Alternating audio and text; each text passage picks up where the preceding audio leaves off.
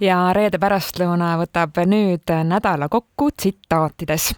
selle nädala peateemaks on olnud Riigikogu valimised ja meie erinevad saated on kogu nädala hoidnud sind kursis erakondade hinnangute ja ka koalitsiooni moodustamise hetkeseisuga parima tulemuse tegi Reformierakond, kes endalegi üllatuseks sai kolmkümmend seitse mandaati. peaminister Kaja Kallas kommenteeris valimistulemust Kuku pärastlõunale see oli väga suur üllatus, äh, et tõesti ma lootsin ja arvasin kuskil kolmkümmend kaks, kolmkümmend neli kohta, aga tõesti see Emori uuring oli võib-olla kõige täpsem nendest uuringutest, mis oli. ja see oli suur üllatus, nii e-, enda isiklik tulemus kui ka erakonna tulemus. mida valija ütles, on see, et äh, soovitakse Reformierakonda näha valitsust vedamas, et see on selge valija tahe ja seda me üritamegi teha Eesti kakssada sai uue erakonnana Riigikogusse ja kogus lausa neliteist mandaati. erakonna parima tulemuse tegi MTÜ Slava Ukraini eestvedaja Johanna-Maria Lehtme, kes rääkis sihikule, kuidas ta edasi hakkab tegutsema aga meil oligi kokkulepe erakonnaga ja see oli üks äh, asi, millest ma ei taandunud, et äh, kui ma kandideerin äh, ja kui ma saan Riigikokku, siis tegelikult ma jätkan ka Slava Ukrainiga. et see on meie meeskonnasisene nüüd kokkulepe, et kuidas me jagame ära oma vastutuse ja, ja täpselt samamoodi jätkan ma Ukrainas käimist, et et ma saan vabatahtlikuna jagada siis abi rindejoonel ja, ja teisest küljest ma saan käia nendel kohtumistel, mis ministeeriumites ja muudes Ukraina asutustes äh, nüüd äh, Eesti ametliku esindajana. et kõik see kogemus, mis ukrainlased on saanud, kõik need õppetunnid, äh, need tegelikult me võiksime äh, rakendada enda riigis ettevalmistuseks, et kui meil on oht äh, või katastroof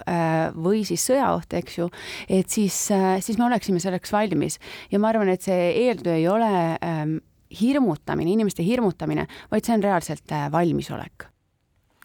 Reformierakond tegi koalitsiooni moodustamiseks ettepaneku Eesti kahesajale ja sotsiaaldemokraatidele. viimaste aseesimees Riina Sikkut kommenteeris valimustulemust järgmiselt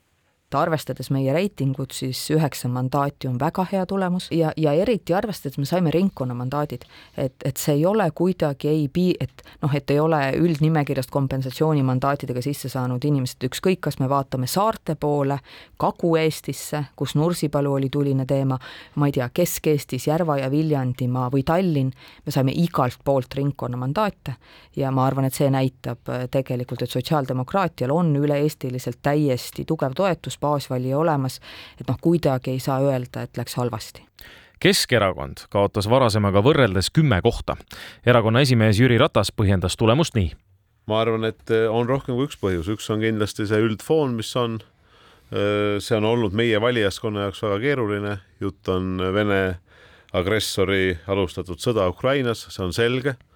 teiselt poolt ma olen täiesti veendunud, et ega erakonna kampaania ei olnud nii võimas, kui see oli Reformierakonnal või EKRE-l, ma arvan, et ta ei olnud ka vist nii võimas, kui oli see Eesti kahesajal, need on seotud olnud meie varasemate kohtulahenditega. nii et no see üldkontekst, meie rõhuasetus oli ju toimetulek, sotsiaalmajanduslik pool, et Eesti inimesed saaksid rohkem tuge, tervishoid, pensionid ettevõtete inimeste hakkamasaamine ja ma arvan, see kõik on tegelikult oluline igapäevaselt Eestis, aga lihtsalt see julgeoleku küsimus on, see mure on niivõrd palju suurem inimestel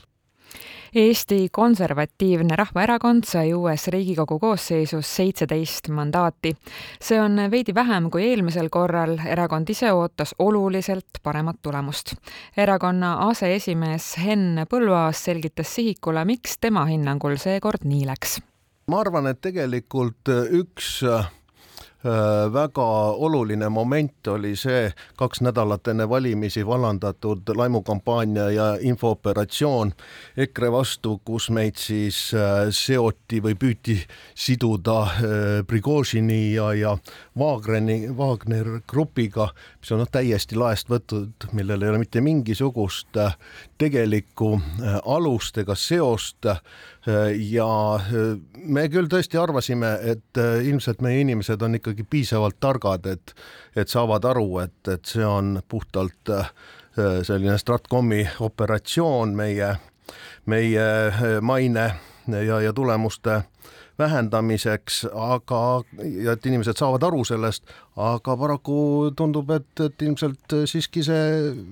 ei olnud nii üldine see arusaamine ja see mõjus. Isamaa esimehe Helir-Valdor Seederi sõnul tegid nemad nii-öelda oma ära no loomulikult ootasime me paremat tulemust kui nüüd äh, kaheksa kohta.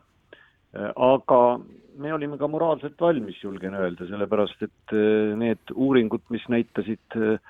viimane Nordstati uuring, kõige viimane, näitaski Isamaale kaheksat kohta. nii et ega meil nüüd mingisuguseid imelootusi ka ei olnud ja imedele me ei oodanud. Ja kui rääkida neist põhjustest, siis eks neid oli palju ja alati saab paremini teha ja kindlasti jättis midagi ka Isamaa erakond ise tegemata, meie kandidaadid, aga kogu selle kampaania põhiteemaks kujunes ju hoopis äh, EKRE ja Reformierakonna vastandumine, mitte sisulised teemad.